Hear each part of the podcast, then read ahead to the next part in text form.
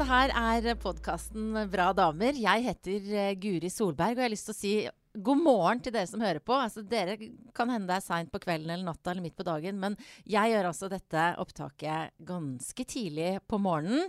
Eh, og en som dukket opp før, eh, før, vi skulle møtes i god tid, eh, er dagens gjest. Og jeg har liksom på følelsen av at hun er litt sånn Hun er sånn frampå. Alltid tidlig ute.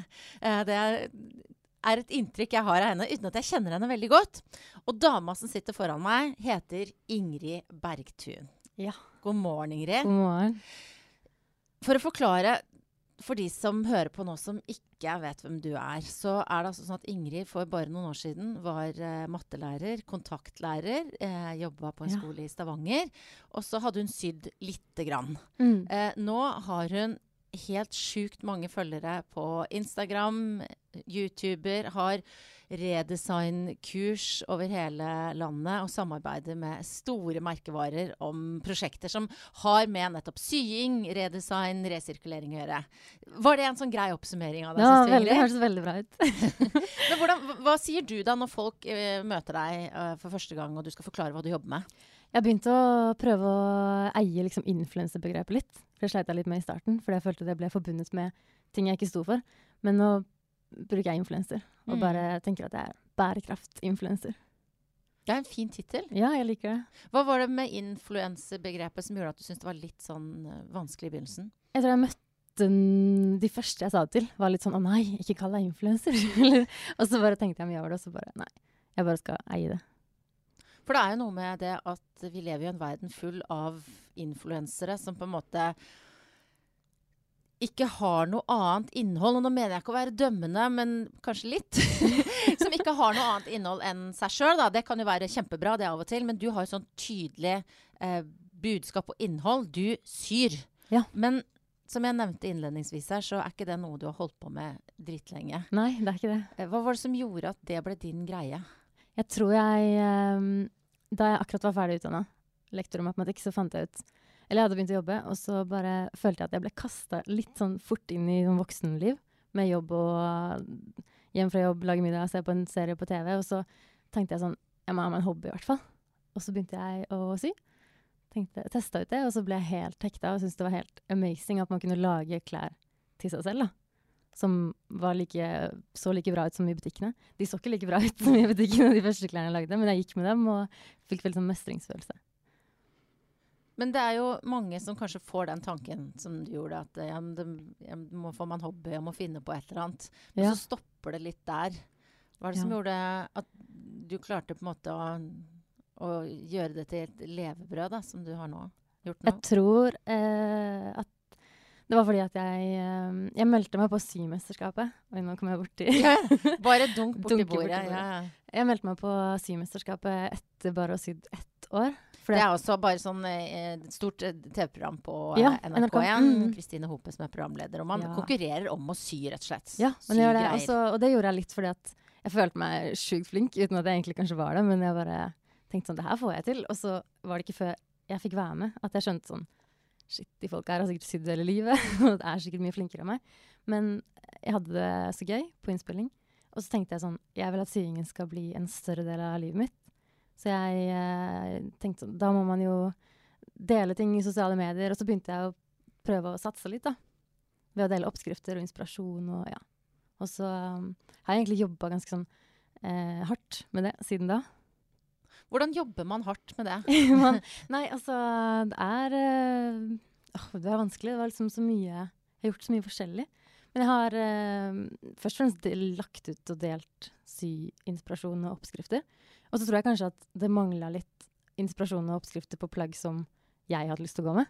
Så kanskje fylte et hull der, da, på, i hobbyverden. Og så um, har jeg prøvd å få oppmerksomhet rundt eh, bærekraft og sying og redesign, og rundt det jeg driver med. Og så har det vokst eh, etter hvert, da. Jo, det er jo ganske interessant, for det er jo helt eh, Ikke at jeg er noen sånn trendanalytiker, men det kan jo virke som det er et sånn, en kombinasjon av eh, kløkt, hardt arbeid og sjukt bra timing. Ja, det tror jeg også. Uh, for jeg, jeg jobber jo veldig veldig mye, men jeg tror ikke det hadde gått hvis jeg hadde drevet med noe ingen var interessert i. Men det er jo likevel et stykke fra eh, matematikklektor til Ja. dette. Det Jeg syns, jo- jeg syns jo det er enda mer altså, jeg, jeg kan ikke sy i det hele tatt. Eh, faktisk så er det sånn at jeg tok symaskinlappen. Gjorde du også det på Ja. din tid? Ja. Mm. Hvordan gikk det med deg da? Det var- Nei, det gikk, uh, det gikk bra, men så har jeg ikke sydd noe særlig siden før jeg tok det opp igjen. da. Så det er det som ligger til grunn for Ja, for det, at dette her, jeg husker ikke når er det man gjør det. Er det liksom typ sånn sånn femte klasse. Ja, og jeg husker at vår nydelige eh, eh, håndarbeidslærerinne fru Lyngnes hun, hun ristet litt på hodet da over meg og syntes at hun sa det var så vidt jeg fikk bestått Ja. symaskinlappen. Så du skjønner at liksom, akkurat det at du syr, er eh, på en måte fjernt fra min verden. Og så hadde jeg også en uh, mattelærer, riktignok i Frankrike, som slo meg i hodet med, med altså ikke voldelig, men med karakterboka, og sa jeg var en latsabb. Okay. Så der har du mitt forhold til matte Ja, og til sying. Så, så la, oss, men la oss begynne med det siste først, altså det her med matematikken. Ja. Eh, hva var det som gjorde at du ble uh, mattelærer? Uh, jeg hadde egentlig lyst til å være lærer. Det har jeg tenkt at jeg skal bli hele, helt siden barneskolen. Og så eh, bare gikk jeg rett til utdanning etter eh, videregående. Og så bare kjørte jeg, løp ut, og så eh, bestemte jeg meg for å ta master med litt sånn overtalelse fra pappa. Han bare 'ja, master i matematikk, Ingrid, det høres veldig bra ut'. og så var jeg kanskje Og jeg, det, var, også, det var jo et helt nytt nivå på master forhold til bachelor. Så jeg følte ikke så veldig mye mestring. I hvert fall ikke første året. Sinnssykt vanskelig og litt sånn OK, shit, hva har jeg gjort, liksom? Nå. Men så fullførte jeg, og det gikk, det gikk bedre andre året. Og så begynte jeg å jobbe som lærer. Og så var det liksom akkurat som jeg fullførte et løp med tanken om hvordan det var å være lærer fra barneskolen. Jeg tenkte liksom ikke så over hva jeg egentlig, om jeg passa til det, eller om Og så bare Ja, så det var egentlig sånn. Litt sånn at man bare gunna på og fullførte. Jeg tror faktisk det er en del som kjenner seg igjen i det der. At man Ja. velger seg et løp som man Nesten sånn litt uten å tenke, for det er jo det jeg skal. Ja. Det har liksom alltid bare jeg alltid tenkt at jeg skal gjøre det. Hva var det pappaen din sa da som gjorde at du gikk Nei, han mente at, eh, at det var lurt å ta master. Og jeg tenkte jo det selv. Jeg hadde jo lyst, det var jeg som foreslo det for han, eller begynte å ta det opp. Men så bare, ja. Så flytta jeg til Stavanger for å ta master, og så Ja, så det var, det var jo Jeg hadde lyst til det selv også, men, um, men jeg tror jeg ikke jeg tenkte over liksom så veldig mye over det annet enn at det var litt kult å ha master, da. Men du sa nå om at på et eller annet øyeblikk så tenkte du bare shit, dette her er vanskelig. Ja. Hvordan kom du deg videre derfra? Nei, da vurderte jeg skikkelig å droppe det. Eh, og bare Skal jeg slutte utdanningen? Hva skal jeg gjøre? At, eh, men så bare snakka jeg litt med de andre i klassen. De var veldig søte, de jeg gikk i klasse med. Så de bare Nei, du må bare, nå har du bare ett år igjen. Det er sikkert helt annerledes neste år. Og så var det det òg, for da var det, fikk man velge mye mer selv. Og kunne konsentrere seg om det man er interessert i. Så jeg er jo glad for at jeg fullførte, men, men samtidig så burde jeg jo kanskje tenkt på et eller annet punkt at kanskje ikke det her er helt uh, min greie. Men hvordan kommer du deg videre fra det? En ting er at du snakker med de du gikk i klasse med, men den er ganske kjip, den følelsen av å føle at noe er altfor vanskelig for deg. Ja, Hva, veldig. hva gjorde du da helt konkret for å komme deg på beina? liksom? Nei, jeg tror jeg bare jobba enda hardere med fagene og ja. Og så hadde jeg liksom én eksamen, for vi hadde et metodefag som var sinnssykt vanskelig. En helt annen matematikk enn jeg noen gang har jobba med tidligere. Og da husker jeg at jeg tenkte sånn, hvis jeg står på den eksamen her, da er det greit. Da kan jeg liksom, da er jeg ferdig med det vanskeligste faget. Og så gjorde jeg det. Jeg satt på eksamen og regna ut om jeg kom til å stå eller ikke. For det sto poeng, og jeg visste hvor mange poeng jeg måtte ta. Så da, etter en eksamen, så bare, da følte jeg liksom det verste var over, da.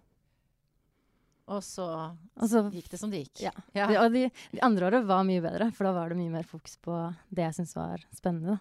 Går det an å forklare hva det er for noe, for en som ikke er kyndig i Ja, matematikk? eh, det handla mye mer om hvordan eh, Mye mer psykologisk rundt hvordan man lærer matematikk. For jeg har tatt en master som er didaktisk, som er eh, pedagogisk. Mm. Så det syns jeg var veldig spennende. Hvordan, vil, ja, hvordan man lærer. Så der, den delen av det likte jeg veldig godt. Men selve den van, aller vanskeligste matematikken syns jeg var uh, utfordrende. Jeg må bare, må bare spørre deg litt mer om matematikk. For jeg Ja. synes det er gøy når du er her igjen en, eh, i podkasten Bra damer. Da ender det ofte opp med at vi snakker litt om, om forskjeller på gutter og jenter. Ja. Og sånne ting. Og det er jo en sånn klisjé, nærmest. Eller det er blitt en sånn stereotyp, da. At det er gutta som er gode i matte.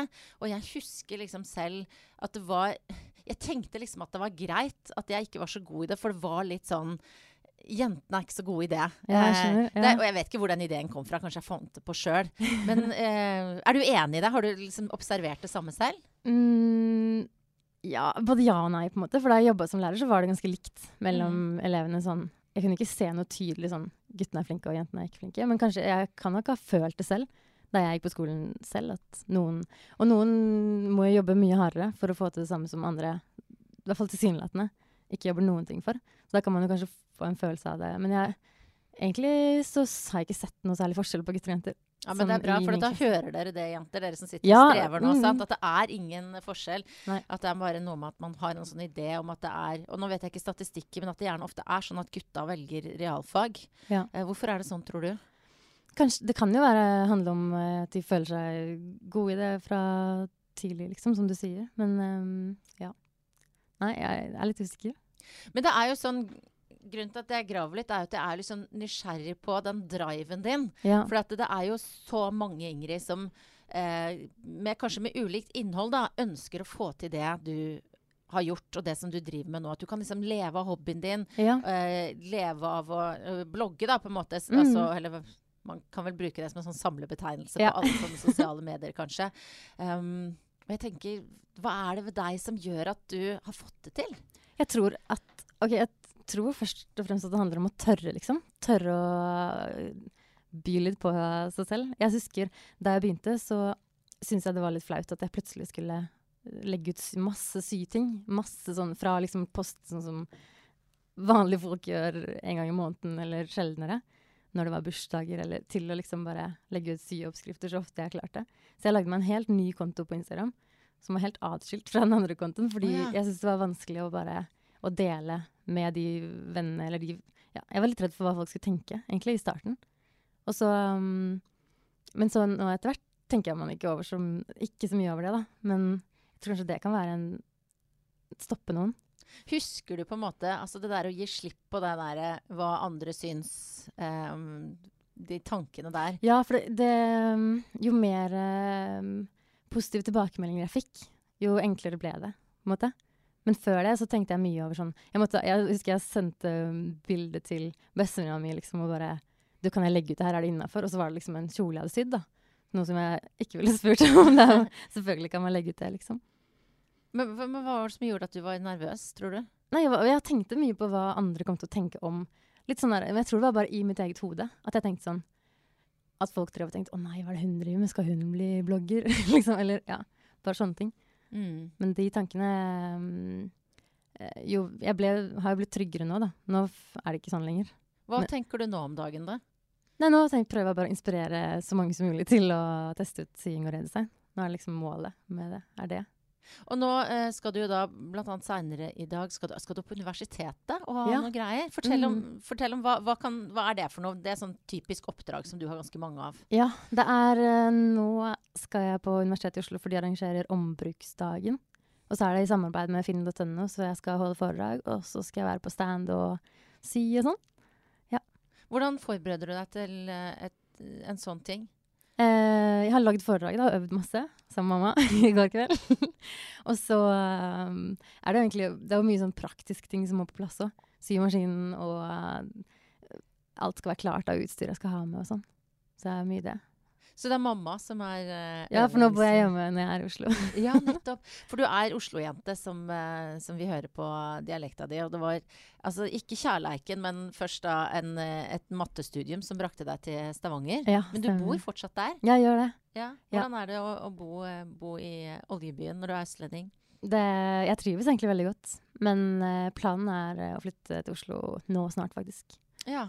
Så, Og hvem er det du må overtale? Nei, nå har jeg jobba en stund med å overtale samboeren min. Det er jobben hans som gjør at vi har venta, da. Så um, ja, han er fra Oslo, han også. Han er det, ja. det er ingen grunn til at vi er i Stavanger. Men vi trives veldig godt. Mm. Så, men vi gleder oss til å liksom komme til litt nærmere familie og barndomsvenner og Men du, når du, når du sparer med mammaen din, eh, mm. hva, slags, eh, hva slags rolle har hun da? Nei, hun, eh, hun er litt lite kritisk, kanskje. Hun er veldig sånn Alt er bra. veldig imponerende, Ingrid. Du kan veldig mye. Sånn, ja, det er lite kritikk å få. Hvem er, det du, hvem er det du har rundt deg som du kan ja, som du bruker til sånne ting, da, bortsett fra mammaen din? Da er det samboeren min. Han, eh, han er litt mer kritisk og litt mer ærlig, kanskje. Og eh, så har jeg et par veldig nære venninner som Hva kan du spørre dem om? Alt mulig rart. Og særlig sånn har, eh, det kommer litt an på hva jeg lurer på. For hvis jeg lurer på hva jeg skal lage neste gang, så har jeg en venninne som er kjempeopptatt av fashion. Og hvis jeg er litt tom for ideer, så ringer jeg henne og bare Hva er det som er det nye man burde lage? Sånne ting. Og så det, kan det være på eh, business-siden så snakker jeg veldig mye med Ingrid Vik Lysne, som også driver med det samme som meg. Ja, for dere er på en måte to sånne tvilling, eh, tvilling-Ingrider eh, som var med i Symesterskapet samtidig. Og som eh, begge har fått eh, store kontoer og massevis av følgere på å drive med det samme. Um, og ja, det er jo fascinerende og forbilledlig at dere samarbeider. Og, eller hvor mye konkurranse er det mellom dere? Nei, altså vi har Jeg tror vi har liksom hjulpet hverandre dit vi er, veldig mye. eh, gjennom hele prosess Ja, gjennom hele Vi har hele tiden snakka sammen og drømt litt sammen og hatt litt sånn Ja, det hadde vært kult å få til. Men, eh, men det har jo vært perioder hvor det har vært litt vanskeligere. Hvor f.eks. når det gikk fra å bare være sånn små kurs, lokale kurs der vi holdt til, til å plutselig være store kommersielle samarbeid, så var det litt sånn å shit, men det kunne jo like gjerne jeg gjort. Litt den følelsen. Så vi har snakka veldig mye om det, og spesielt i det siste at vi bare vi må bare heie på hverandre. Og tenke at vi skaper eh, Istedenfor å tenke at vi er konkurrenter, da, så tenker jeg at vi skaper liksom dobbelt så mye syglede ved å samarbeide og være to. Så vi har prøvd å gjøre en del sånn prosjekter sammen som binder oss sammen, og, for vi elsker jo å samarbeide. Så ja, vi prøver den vinklingen. Men det er jo, man kjenner jo på at man liksom ønsker å gjøre alt. Så, så har du vært i den situasjonen at hun har fått et svært oppdrag, og så har du tenkt Hvorfor har ikke jeg fått den jobben? Ja, altså så har det liksom gått liksom om hverandre. Det har, ja. Men hvordan, hvordan, det er jo nydelig at dere klarte å snakke om det. ja, vi måtte jo det. Ja, hvordan gjorde dere det? var Nei, det som ok, ringte greia hvem? er at det begynte å bli sånn Ok, i starten, da, eh, så var det sånn at vi alltid ringte hverandre og bare Æ, vet du hva som har skjedd? Og så var det liksom et kurs, kanskje. Eller sånn ganske små ting, men veldig stort for oss i vår Vi har liksom vært flinke til å feire ting sammen. Mm. Men så kom det liksom til et punkt hvor det ble litt vanskeligere å både ta imot Ingrid sin suksess, men også liksom å dele sin egen suksess, fordi det ble ikke Det ble litt for kule ting, og så var det liksom ikke like lett å feire dem lenger sammen. Mm. Og så um, bare fant vi ut at vi måtte prate om det, fordi det Ja, så hadde begge to kjent på akkurat det samme, og tenkt på akkurat det samme, og så ble vi egentlig enige om at vi skal hjelpe hverandre. Det er jo eh, Var det en vanskelig samtale å ta? Det var litt sånn vanskelig å starte den, på en måte. Men ikke å snakke om det. Det funka veldig bra. For det der kan jeg kjenne meg veldig igjen Ja. i. Både altså, profesjonelt og med venner og kolleger. Og det kan jo gå liksom begge veier. Er hvis man, hvis man er misunnelig på noens suksess og kjenner Det er jo en ganske sånn kjip følelse det med å være misunnelig og ikke mm. unne andre noe. Men så Ja. kan man jo fort bli litt sånn bitter òg. Hvis man Mm. liksom Hæ? Hvorfor skal ikke jeg lede Ja. det programmet? Men og så kan det også være sånn at hvis man har det kjipt, og så har man noen andre som også har det kjipt, og så Ja, men nå var det jo jeg! Nå var det jeg som skulle få trøst! Det, jeg bare, det er litt sånn vanskelig, litt sånn kjipe følelser å kjenne på seg sjøl, Ja. da. Og vi snakka faktisk om det, og det må jo være kjempevanlig i den businessen vi er på vei inn i, eller bransjen vi er på vei inn i, at folk eh, er litt sånn Det kan jo ikke være Alle kan ikke være så gode venner som de er utad når det konkurreres om få jobber og f.eks. komikerbransjen. Da, det må jo være mye der som er misunnelse og Jeg vet ikke, det snakka vi mye om. Og så bare at vi må bare finne en måte å For det er viktigere for oss at vi er venner. Eller jeg vil heller ha liksom Det snakka vi også om. Jeg vil heller ha en million følgere og være venn med Ingrid. Nei, færre følgere og Ja. være venn med Ingrid enn å ha en mild og liksom helt alene. Mm. Jeg vet ikke. Det bare um, prøvde å sette ting litt i perspektiv, liksom. Og jeg skjønner jo at det var viktig for dere å ta den samtalen, fordi at du har jo valgt deg et yrke nå som kan være ganske ensomt. Ja. Selv om du har eh, massevis av folk som følger med på det du gjør hver dag, så er det du aleine som driver det. ja, det er det. Det er en stor frihet, men det er jo eh, et stort ansvar òg. Mm. Hvor mye kjenner du på det? Eh, I starten så syntes jeg alt bare var gøy, men Eller det kommer litt an på, fordi jeg husker de første to ukene hvor jeg ikke Da jeg slutta jobben for et år siden, så husker jeg bare Shit, så stille det er, liksom. Hvor er Og jeg tenkte ikke over at For jeg liker, litt, liker godt å være alene, og liker å jobbe alene, og jeg har liksom ikke noe problem med det. Men det var liksom de, et, en uke inn i de to første ukene, så tenkte jeg sånn Herregud, jeg setter pris på kollegaene mine, egentlig. Jeg savner dem, og jeg savner å ha noen som lurer på hvordan det går og ha noen å snakke med om helgen. Og, men så begynte det å komme oppdrag, og da følte jeg at den, da ble det liksom nok å gjøre da, til at jeg ikke da, sam, Man samarbeider jo med folk, bare at det ikke er så Det er jo om prosjekter Mm. istedenfor at det er fast. Og så blir det veldig mye de samme folkene. Så jeg tror det er veldig viktig å bygge gode relasjoner med de man faktisk samarbeider med. da. Men hva med den derre Selv om man får respons og du har kolleger bare liksom på armlengdes avstand på et vis, så er det på en måte deg det står og faller Ja, på. Det det er, er du som må drive Mm. det videre. Ja. Um, hvor er det du henter uh, hva skal jeg si, kraft og inspirasjon til det? Um, det eh, Ja, hvor er det hente Jeg tror det bare er Jeg, jeg brenner skikkelig for at businessen min skal overleve og gå bra. Så jeg tror det kanskje bare kommer fra det. Og så prøver jeg hele tiden å tenke ut sånn nye samarbeid som kan passe profilen min. Det må være bærekraftig. Jeg har lagd meg en litt sånn rar businessmodell, fordi for at jeg skal legge ut et bilde på Instagram, så må jeg ha sydd plagget. Så det krever enormt mye arbeid i tillegg til å ta bilder. Og, um, og jeg sier nei til å fronte f.eks. nye klær, med mindre de er produsert bærekraftig. Så jeg har liksom veldig mye begrensninger da, på Mm. profilen min. Men så tror jeg at det har vært suksessfaktor også. Er det du som måte har funnet ut den modellen sjøl? Mm, det har bare blitt sånn. Altså, for jeg har ikke hatt lyst til å reklamere for nye ting. Jeg husker første kommersielle samarbeidet jeg fikk, var med Ideal of Sweden. De sendte oh, ja. meg mail. Du, de De har jo. Blondinbella har jo de som Ja. Så Og så bare sendte de. Og så tenkte jeg sånn Å, sykt gøy! Nå skjer det, liksom. Nå, jeg hadde sånn 6000 følgere og bare nå, altså, Men um, så sa jeg ja da, til å gjøre samarbeid med dem på mobildeksler. Og det var bare å få et gratis mobildeksel og legge ut bilde av det. Mm. Og så bare husker jeg bare det passa så dårlig. Jeg bare, Hvordan skal jeg få det her til, inn i min syprofil? Jeg har aldri lagt ut noe som har med mobil eller Mm. mobildeksel å gjøre. Så jeg endte liksom med å tegne eh, tegne på T-skjorta mi sånn at det matcha mobildekselet. Bare for å gjøre liksom Så jeg lagde jo dødsmye jobb for meg selv, og så fant jeg ut etter det at jeg bare skulle gjøre uh, samarbeid som jeg følte passa. da. Sånn Det er jo ofte sånn man finner ut ved å liksom se hva man absolutt ikke skal gjøre. ja. Det er jo en Mm. veldig sånn tydelig magefølelse. Mm. Det er jo morsomt for, for uh, Blondinbella, som, uh, som sikkert veldig mange kjenner til, som er liksom uh, gigantisk blogger fra Sverige, som businesswoman. Altså Ideal of Sweden, det hun reklamerer for der, er at du kan bytte hele tiden. ja, mm. At du kan, og det er jo på en måte det Det passer jo ikke i det hele tatt, nei. Det er motsatt av det du står for. Ja, og jeg følte at jeg, at jeg, ble, jeg fikk mailer Jeg får fortsatt mailer, men jeg svarer ikke på dem nå lenger. Da, eller jeg sier nei til alle kampanjer. Men det var hver måned, sikkert oftere, nye muligheter til mobildeksler. Da. Ja. Og det var det jeg bare tenkte sånn Nei, jeg, kan, jeg vil spiste opp alle de mobildekslene her. Men du, det er jo også sånn, selv om du nå har valgt deg en del av influenseverdenen som handler om gjenbruk og redesign, eh, så er du også del av en verden hvor veldig mye handler om forbruk. Ja. Og det har jo vært, heldigvis, det er jo ekstremt mye bevissthet rundt dette, og noen oppslag nå i det siste om eh, en som skifter ut klesskapet sitt Ja. eh, hver måned eller hvert år, eller hva Ja. det var, i hvert fall ganske ofte.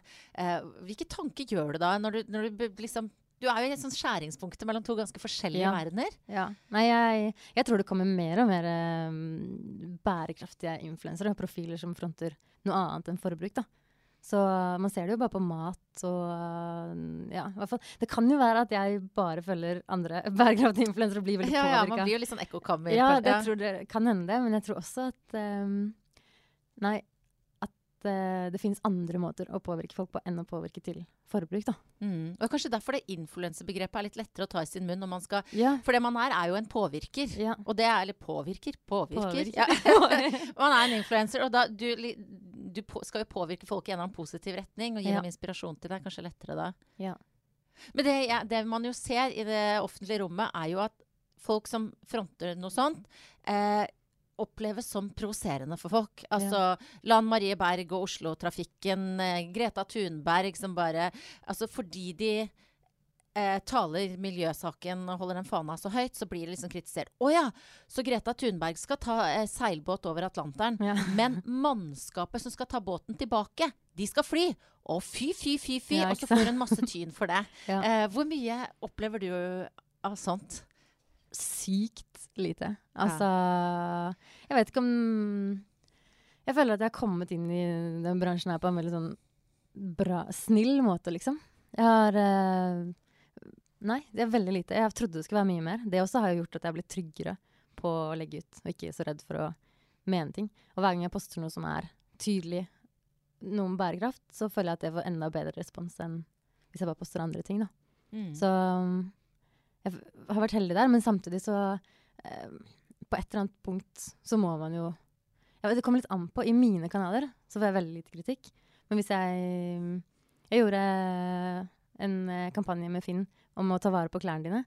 Og da eh, er det jo kommentarfelt på Facebook, liksom, og da treffer man jo absolutt alle.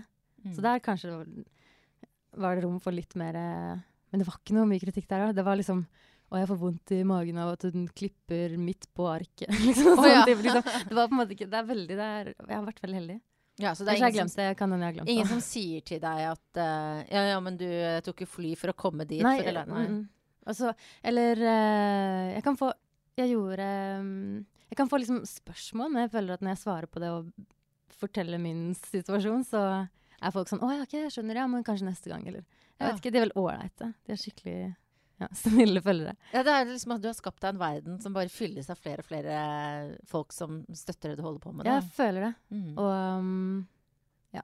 Så jeg har vært veldig heldig der. Bank i bordet. Jeg håper ikke det kommer noen Nå kommer troll. hetsen, nå har jeg inspirert folk til Ja. å eh, komme etter deg. For jeg gjør jo Altså, ingen Jeg har egentlig ikke Jeg kom inn i syingen fordi jeg hadde lyst på en hobby, og fordi at jeg hadde lyst til å lære meg å sy. Og så har bærekraftsdelen av det kommet mer og mer etter hvert, fordi jeg har lært mer om klesindustrien og har lyst til å påvirke og lyst til å endre både egne, mitt eget klesskap til å bli mer bærekraftig, men også inspirere andre. Da. Så jeg jo mye, har jo mye vaner fra før som ikke er bærekraftig enda, men jeg håper, ja.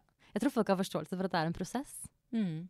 Og akkurat det med klesindustrien er jo litt sånn Man vet jo ikke så mye. Eller jeg, føler meg i hvert fall litt sånn uopplyst der at det sånn, skal handle nye klær til skolestart, sant? Det i seg selv er jo liksom en døv ting. Jeg sier det høyt nå, liksom, for de begynner jo på skolen hvert år. Det blir jo noen plagg, da. Men da er det sånn Da vil jentene mine gjerne gå på Hennes og Maurits. Mm. Og så vet jeg OK, hvem er det som har sydd de klærne? Hvorfor er de så sjukt billige? Eh, hvor lenge varer de? Det er en del sånn derre ding. Ja. Men så vinner da syvåringen, for hun fant en sånn rosa glitterbukse som gjorde livet hennes perfekt den dagen. Ja. Altså, eh, hva, er det, hva er det verste du Hva er det som har overraska deg mest av de tingene du har fått vite om klesindustrien? Um, nei, det som overrasker meg, er liksom mengden klær som er i omløp der ute. Og, men det syns jeg også er liksom en fordel, fordi det gjør at det er så sinnssykt lett å finne like kule ting brukt. da. For alle bare har overloads med klær, og altfor mye. Så det gjør det um, Altså det er på en måte både uh, Men det gjør jo sånn at man kan finne dritkule klær overalt. Liksom. Man kan arve skikkelig kule klær. Man kan, det finnes mange måter å få tak i nye klær på som ikke er å kjøpe nytt. Hvis man bare Jeg vet ikke. Hvis man liksom bestemmer seg litt før, eller ja. Men jeg, jeg skjønner jo Det er jo vanskelig, da, med hun eh, syvåringen som eh, Men, men jeg må, skal, nå, de har skjønt konseptet Fretex Ja. syns det er stas. Da. Så det er Mm. det jeg på en måte tror jeg må være. Jeg må bare selge det inn sånn, Ja. som det kule, spennende stedet. Ja, litt sånn skattejakt. Ja, ikke sant? Og Ja. det er jo barn glad i. Mm. Fordi eh, det er jo også et uh, bidrag man kan gjøre. Altså stoppe den der karusellen Mm. med plastikkdrit. Ja. Og hvis det er noe spesielt som eh, et type sko eller merke, så er det liksom, ligger det så sinnssykt mye på finn.no. Og på kan, Jeg tror du kan få tak i nesten alt av nye ting på Mm. eh, bare brukt, da. Og så Furbies, det har jeg funnet ut. Ja. Husker du Furbies? Sånn er det snakkende Jo, små jo, jo! De, ja. Uh, ja, ja. Er det Men, hot igjen? nei, det er ikke hot. Det er derfor det var litt vanskelig. Fant en i Iowa eller noe Nei, er det sant? Det var langreist, eh, langreist Furby til jul. Så kult. Men du Ingrid, altså når jeg har eh, lest et intervju med deg og hørt deg bli intervjua, så, så er du Hører jeg sånne ting som jeg Igjen liksom fjernt fra min verden, som jeg er nysgjerrig på. Du sier du setter deg sånne konkrete mål. Det er sånn som man Ja. nesten ser sånne sketsjer om med sånne Post-It-lapper om 'dette skal jeg oppnå'. Sånn. Ja. Sånn. Fortell litt om hvordan det funker i praksis. Um, egentlig så um, Det intervjuet du har lest, det som var med de målene Da skulle jeg uh, spille inn en, en, en sånn en film med en fyr. Så han ville gjerne liksom hørtes veldig sånn Jeg skal spille inn en film med en fyr. Ja. men det er sånn Nei, som man driver med når man ja. er influenser. ja, nei, men han, han hadde lyst til å liksom dokumentere den starten på å bygge opp en sybusiness. Mm. Så det er derfor de målene kom. Fordi da vil, han, ment, han og jeg ble enige om at ok, vi må ha det visu så visuelt som mulig. Så vi skriver opp liksom Få 10 000 følgere på Instagram var et mål. Eh, og så skulle han dokumentere at jeg jobba med det, da. Og så ringte Byas, som er en lokal eh, avis i Stavanger. Ja, ja. Og de bare 'Hei, kan vi gjøre et intervju med deg?' Fordi du har vært med i Symesterskapet, og nå, bygg, nå skal du gått ned i stilling. Jeg vet ikke hvor de hadde fått info fra. Men og så, um, så kom de, og da hang alle disse tingene på veggen. så det ser jo ut som om det var Det var jo på en måte minimal, men jeg tror ikke jeg ville gjort det hvis ikke det var for den filmen, da. Så Men du, i, i hvor stor grad setter du deg sånne mål eller konkrete Jeg ambisjoner? jeg gjorde det i starten, men kanskje ikke så Jeg ville vil kanskje ikke liksom blæsta de ut sånn på den måten med å henge de opp i stua. Eller- Hvorfor ikke det? Jeg vet ikke. Jeg har, liker å ha det i en bok. en liten Ja. Men jeg, har, jeg eh, jobber mye etter mål, da. Og prøver å Og jeg var kanskje enda flinkere til det i starten, for nå syns jeg det har gått så fort at jeg ikke rekker liksom å tenke over hvor jeg vil hen. Jeg bare blir dratt med i den retningen som Ja.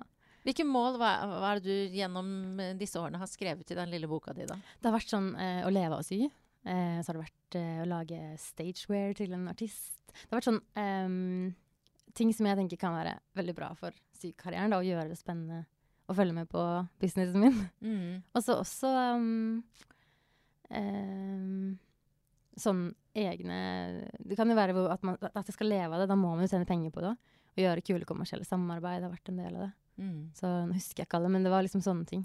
Hvorfor er det viktig for deg å skrive det ned? Mm, det var Nei, da blir man kanskje mer bevisst da, på hva man Og så fikk jeg veldig sånn mestringsfølelse når noen av boksene kunne tikkes av. Ja, gjorde, du, gjorde du faktisk det? Sa sånn Ja, sceneantrekk. Nei, Ina. Rolsen. Tomine Harket har gått med klærne mine. Kryss av i boken! Nei, nei, ikke nå, men når jeg ser den boka i ettertid, så er det sykt nice følelse.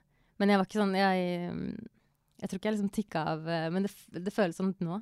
For jeg har den Mm. boka ennå, og så Ja, ja. Hvor mye sitter du og ser i den? Nei, ikke så veldig ofte. Men uh, jeg så uh, Jeg kikka i den sånn da jeg rydda for litt siden.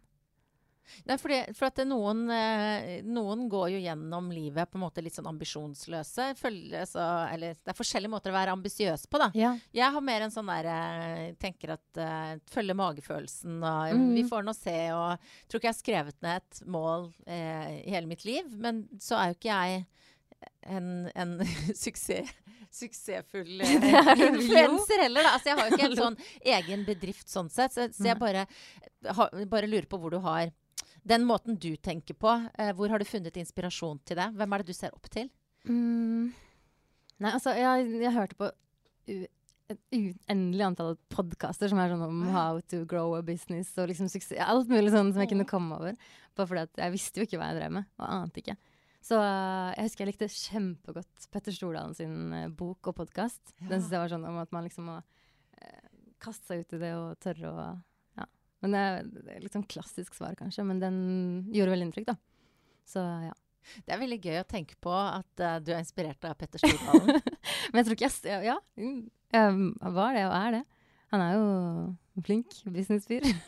Men du, nå da? Eh, Hva står det i den boka di nå av uh... Nei, nå, det er det som er Nå har jeg liksom ikke rukket å tenke meg hva er liksom neste skritt, da.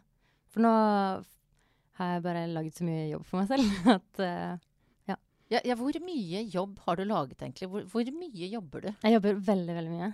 Så det er litt sånn Kanskje det er noen av nymålene mine, å finne noen rammer som gjør at jeg kan ha litt hverdag òg.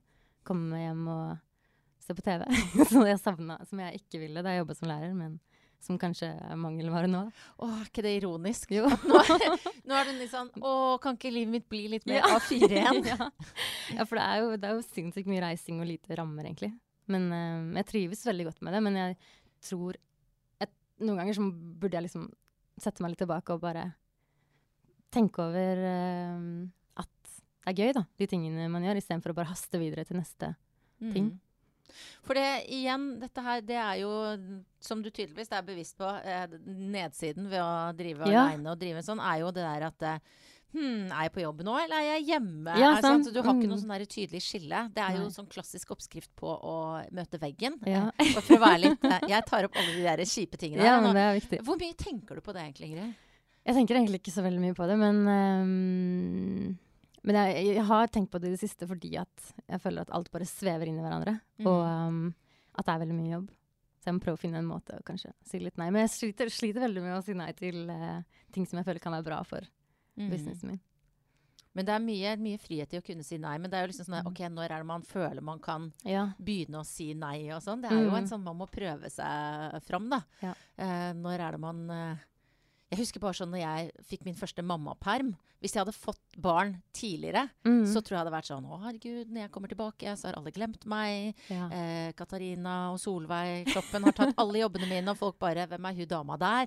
Så du tror liksom Ja. at du eh, Men da jeg fikk barn, så var jeg sånn Null stress! Ja. Altså, det, det får liksom en sånn trygghet. Mm. Men i hvor stor grad føler du at du har eh, hvor, er det, Blir det lettere for deg å si nei nå, syns du? Eller? Ja, eller det kommer litt an på hva det er. For jeg, jeg sier nei til sånn derre Kan du legge opp den buksa her for meg? Det har jeg egentlig aldri sagt ja til. For da har jeg tenkt Nei, at ja. jeg har liksom prøvd å pele ut som hva er bra for Hva er gøy på sosiale medier å følge med på, og hva er liksom bra for businessen min, da. Men eh, det jeg syns er skikkelig vanskelig å si nei til ting som kan Som er veldig bra. Mm. Som oppfyller kriterier. Jeg har liksom kriterier sånn Det må være gøy, jeg må tjene bra med penger på det, og eh, det må se bra ut på CV-en, liksom. Eller være en bra Instagram-historie. Mm. Da føler jeg liksom at det er det perfekte oppdraget. Det er um, Ingeborg Heldal, KK-redaktør og tidligere gjest i denne podkasten. Hun hadde et råd som ja. jeg uh, har brukt ganske mye. Og det, det, at, eh, det er jo et gammelt råd, det der med å si ja til ting du gruer deg til. Og det støtter hun også. ja. Men så sier hun si nei til de tingene som virker så lett. Altså Mm. alle de tingene som Nei, det koster meg lite. Det kan jeg gjøre. Ja. Det er de som er den store tidstyven, Ja. og som tar energien. I mitt tilfelle så er det, og unnskyld til dere som spør, er sånn Tanta mi fyller 75. Ja. Eh, kan du være snill å lage en eh, bursdagshilsen? Det koster jo meg lite. Det er noen som blir veldig glad. Det er veldig lett å si ja til det, og Mm. veldig ofte så gjør jeg det. Men hvis du skal si ja til alle de, da har Ja. du fulltidsjobb med, med, med å spille inn sånne videoer. Altså det er liksom, man må bare ja, bare selv de tingene som kjennes lett. Da kjenner Ja. du deg igjen i det? Ja, det kan være lurt. Og jeg synes, øh, For en av, um, en av tingene som jeg tenkte Som jeg, jeg har gjort hele veien på Instagram, er å svare på absolutt alt av meldinger. Ja. Alt av sånn um, Og det er jo vel, de fleste meldinger er jo lett å svare på, for det er kanskje bare et hjerte tilbake, eller Mm. liksom Men så har det kommet etter hvert mer og mer sånn tekniske syspørsmål. Ja. får jeg sinnssykt mye av i innboksen. Sånn 'Du, jeg har den kjolen her. Hva kan jeg gjøre med den?' Og så begynte jeg før å svare. Jeg svarte alle. Men nå har jeg bare Jeg fikk en sånn knekk for bare Shit, jeg kan jo ikke bruke tiden min på det her. Så noen ganger så svarer jeg litt sånn i, i story, for eksempel felles. Men så har jeg begynt å bare Så det kan jo være kanskje min sånn Ja. videohilsen. at, eh, at jeg må bare la være å svare på noen sånne meldinger. Selv om jeg egentlig har veldig lyst, fordi jeg, da føler jeg at jeg har oppnådd noe når folk er interessert og har lyst til å lære seg å si. Så jeg har jo lyst til å være den som kan gi dem råd, da. Og hjelpe dem. Mm. Men uh, ja. Men når du nå skal være flink til å gjøre noe annet enn å, enn å bare jobbe, da. Hva, Ja. hva, hva, hva slags um, Hva driver du med når du ikke uh, syr? Syr og syr og syr og syr? Og filmer at du syr? Ja, filmer. lager Holder foredrag og Eh, kurs. Nei, nå føler jeg ikke at jeg har hatt så mye sånn eh, hobbyer. For nå har jeg gjort jo hobbyen å sy. Ja. var liksom min, min hobby. Nei, så, um, men det tenkte jeg skulle starte med. Liksom, eh, prøve å få sånn faste rutiner på trening og ting som jeg bare har dytta unna Ja. i uh, et uh, år nå. Som er, eller to år. Er du glad i å trene? Mm, Ikke sånn veldig. Nei. Men jeg syns det går liksom greit. Jeg har lyst til å finne min type trening. Det har jeg ikke funnet ennå. Jeg kan liksom gå på og trene litt styrke og løpe litt, kanskje. Eller, men jeg har ikke funnet noe jeg elsker. Sånn som syingen. Hva med, eh, hva med samboeren din? Hvor mye ser du til han? Um, vi, vi spiser middag sammen hver dag. Og så kan hende jeg går tilbake på kontoret. Men han spiller fotball, så han gjør ting, han også. Så um, vi har liksom ganske vanlig hverdag, egentlig. Bare at jeg jobber som hobby og jobb, på en måte. Mye, hva har han merket av forandring på deg, tror du, de, disse årene? Jeg tror han hvert fall, jeg, jeg var liksom frustrert på eh, slutten av lærerkarrieren min. Sånn, det var ikke helt sånn jeg hadde forventa å jobbe som lærer. Liksom, så jeg tror han er Ja, han ser nok at jeg jobber med noe som jeg trives enda bedre med nå. Selv om jeg syns den elevdelen og egentlig alt med lærerjobben var veldig kjekt. Det var bare Jeg vet ikke. Det var liksom et eller annet jeg ikke følte at jeg mestra helt. Men nå tror jeg han ser at jeg trives veldig godt med det jeg jobber med. Så er han sinnssykt sånn støttende. Han hjelper meg med å ta bilder, f.eks. Hjelper meg med å diskutere ting, eller høre på meg hvis jeg vil øve til et foredrag. Eller, ja. Det der er jo eh, også en, en sånn eh, karakter som har blitt mye omtalt. Den der Ja. bloggemannen som, som må ta bilder. Ja, shit. Det er så um, Nei, så han Men han er dritflink til å ta bilder, så han, han hjelper meg med det, altså. Selv om. Men ja. Du Ingrid, jeg ber deg sammen med alle gjestene mine om Ja. å ta med noe som sier noe om hvem du er. Ja. Eh, og du kommer jo bærende på en svær symaskin. Er det fordi du skal eh, holde kurs, eller er det greia di? Det er eh, begge deler, tenker Ja. jeg. Siden jeg først liksom skulle ha den med meg. Ja, Ja. Og det morsomme må jeg bare si at vi er jo nå i produksjonsselskapet Monster, og her lages det eh, masse forskjellige program og eh, dramaserier. Så utenfor studio hvor Ingrid og jeg nå sitter, så er kostymeavdelingen med masse klær og symaskin. Så jeg følte liksom at vi var i riktig Ja, skikkelig mitt eh, element.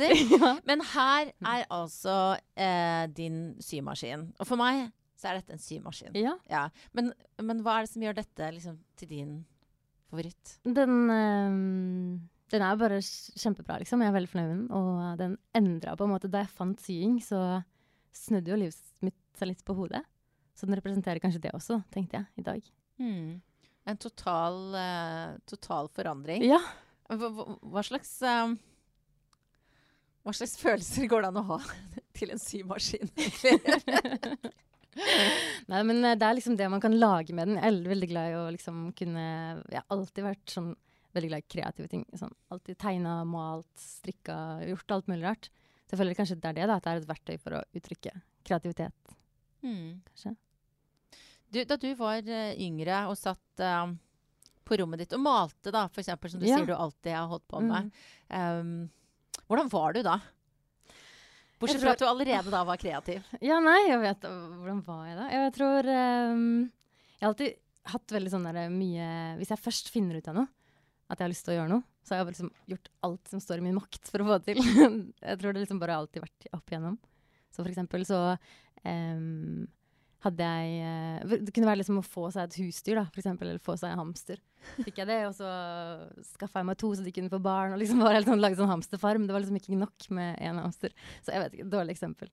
Men det var litt sånn Nei, altså Ja. Jeg syns det er et veldig godt eksempel. For jeg har jo da Igjen trekker jeg inn mine barn, men jeg har vært offer for samme type. Vi har også én foreløpig én hamster Ja. hjemme. Men hva gjorde du da for å skaffe deg og få lov til å få disse dyra? Nei, da um, gjorde alt. Det var jo mamma da, jeg måtte overtale henne. Og så var det Hun var ikke noe glad i sånn små dyr, liksom. Så jeg fikk ha de på rommet og uh, masse regler. Og, så, og da de fikk barn, så solgte jeg husker jeg solgte de på Finn. Liksom lagde en egen business ut av hamsteren òg. Så allerede der Ja. Hvor kommer dette her eh, ja, hva skal jeg si, gründer-business-genet ditt fra? Ja, jeg vet da søren. Jeg tror eh, For jeg har jo ikke liksom valgt en sånn type Ja, nå er jeg jo det, da. Men læreryrket er jo ikke så veldig sånn gründer-business, akkurat. Men eh, Nei. det var kanskje det som var feil med den jobben. Jeg vet ikke. Hva skulle du ønske at du visste da? Mm, på en måte vet så er jeg kjempeglad for at jeg har den utdanningen. For jeg følte jeg lærte mye og vokste mye på det. Og ble litt sånn kritisk og kanskje Ja. Så jeg tror jeg ville anbefalt meg å ha gjort det samme. Kanskje. Jeg vet ikke. Kanskje det å tenke at det er lov For jeg tror ikke jeg tok det kreative delen av meg som Jeg tror ikke jeg tenkte at det kunne være en karriere eller et yrke. Jeg tror jeg tenkte at det var bare sånn Det er noe jeg liker å pusle med, liksom. Så det kanskje at jeg kunne Skulle ønske at jeg hadde litt mer eh, kunnskap om at det gikk an å velge noe kreativt. Ja, for det er, livet er jo fullt av sånne situasjoner hvor man sier at tenk om jeg bare kunne gjøre det, da. Ja. Og da er det veldig deilig når noen sier ja, men kanskje du kan det. Mm. Uh, hva er det som står i veien for det? Jeg drømmer f.eks. om at altså, dette her er jo det gøyeste jeg gjør. Å Ja. sitte her og prate med deg eller andre bra damer. Og så tenk om jeg bare Altså, jeg liker å jobbe med TV 2 også, så nå skal jeg ikke få meg noen uvenn her. Sånn. Tenk om jeg bare kunne gjøre det. Og nå gjør jeg jo mer og mer eh, dette. Så Ja. det er jo litt sånn en liten parallell til den, din syverden. At, Mm. eh, at man kan faktisk fylle livet sitt Ja, det med det man vil. sykt, fordi pga. sosiale medier så har jo hvem som helst mulighet til å drive med hva som helst. Man ser jo det. Det er jo sinnssykt mye forskjellige businesser Mm. der ute. Jeg håper din historie kan, den kan helt sikkert være til stor inspirasjon for mange som eh, Om det ikke er liksom en syer de har i magen, så de har en eller annen, en Mm. annen litt sånn, kanskje litt pussig og merkelig drøm som de nå får litt sånn push til å sette ut i livet. Håper det. Du, altså, du har hørt på mange podkaster, og kanskje også på min, så da vet du at jeg har tre sånne kjappe spørsmål som Ja, jeg stiller til slutt. Hva spiste du til frokost i dag, Ingrid? I dag spiste jeg brødskive med eplesyltetøy. Er det sånn hjemmelaga da, siden du er hjemme hos mor? Eh, det var faktisk ikke det, men det kunne vært det. Fordi du kommer fra et sånt eplesyltetøy, hjemmelaget syltetøy Nei, hjem? nei, vi kommer fra sånn Toro- Toro-suppe. Ah, vi kommer fra det. det gjør jeg også. Ja. Det, det er godt å høre. Søren skulle Jeg var litt usikker på Nei da, men eh, vi gjør det. Men mamma kunne lage, hun lager mye syltetøy og sånn. Mm. Men um, det er raskt og effektivt. Hvordan er det når du er hjemme nå? Det er veldig koselig. ja. Ja. Går du da til, er det liksom, sover du på rommet ditt? Lager foreldrene dine middag til deg? Er det sånn? Ja. Det er veldig luksus. ja, det er sånn. Og hvor, øh, hvor lang tid brukte du på å finne ut hva du skulle ha på deg i dag? Eh, veldig kort tid, fordi jeg hadde liksom ikke så mye. Det var siste antrekk i bagen. Ja. ja. Og du har da en eh, Nå har jeg jo en fagperson foran meg, så jeg må Nei. si det riktig, men en fersken Er det ferskenfarget? Hummerfarget? Peachfarget? Peach, tror jeg. Ja. Ja, en eh, blazer. Hva er historien bak den Det er bare at den er eh, skikkelig gammel. Den er fra sånn um, Ja, eller skikkelig gammel, den er ikke det, men den er liksom Jeg har rydda i klesskapet og funnet klær som Eller i boden. Og funnet klær som er sånn eh, Som jeg ikke har brukt på ti år, kanskje. Og så lå, lå det mye sånn plagg som jeg bare Oi, den der kan jeg jo bruke! Ja. Og så prøver å inspirere folk til å ta en titt i boden istedenfor å kjøpe nye klær. Da. Det er som med tegneserier eller blader, eller hvis du legger det unna Ja. på loftet, altså, eller finner det fram på hytta etter ti år, så er de gøye. Og Mm. du har en nyhetsfølelse igjen. samme, ja. Eh, Siste spørsmål kjenner du godt. Når hadde du sex sist? Åh, shit. Um, det var uh, på uh, fredag, før jeg reiste til Oslo. Med, uh, med Stavanger-boende kjæreste som, som nå snart blir med til Oslo. Ja. Mm. Mm. Hvordan ser du for deg at du skal bo når du kommer hit til hovedstaden igjen? Oh, jeg gleder meg veldig til å For da, nå har vi liksom utsatt alt som er sånn kjøpe leilighet. Vi har tenkt sånn ja, vi bor bare i Stavanger midlertidig, så vi kan ikke kjøpe leilighet. Og så har vi tenkt sånn Ja, så det gleder meg veldig til å begynne å mm, se etter leilighet og, og kjøpe, da. Mm. Og så ja, bygge liksom et liv som er litt langsiktig, kanskje. Det gleder jeg meg til. Kommer du da, da, da til å bruke denne maskina som står ved oss her til å skape i, Ja, den eh, interiør? Ja, ja. Sy gardiner? Ja. Mm. ja. Det blir sikkert mulig å følge det også på, Ja, eh, mhm. på Instagram. Ingrid, til slutt. Bra damer er det en hel haug av. Jeg intervjua mange av de her i podkasten. Liksom, Hvordan vil du beskrive en bra dame? Um, jeg syns uh, Åh, det er så mye forskjellig. Jeg blir veldig inspirert når folk um, tør å prate om det de interesserer seg for. Og gjør litt sånn utenom det vanlige, kanskje. Ja. Mm. Og bare har, har litt sånn trygghet i seg selv. Blir jeg veldig inspirert av. For jeg kan noen ganger føle meg veldig usikker. litt sånn At jeg ikke vet hva jeg skal si, eller vet hvor jeg skal. Så jeg blir veldig inspirert når andre er sånn motsatt av det. Mm. Du visste hva du skulle si i dag, da. Ja, men uh, det er mye tenking. Men det har vært veldig hyggelig å prate med deg. Ja, det syns jeg også. Tusen takk for at du kom til podkasten min. Tusen takk for at jeg fikk være med.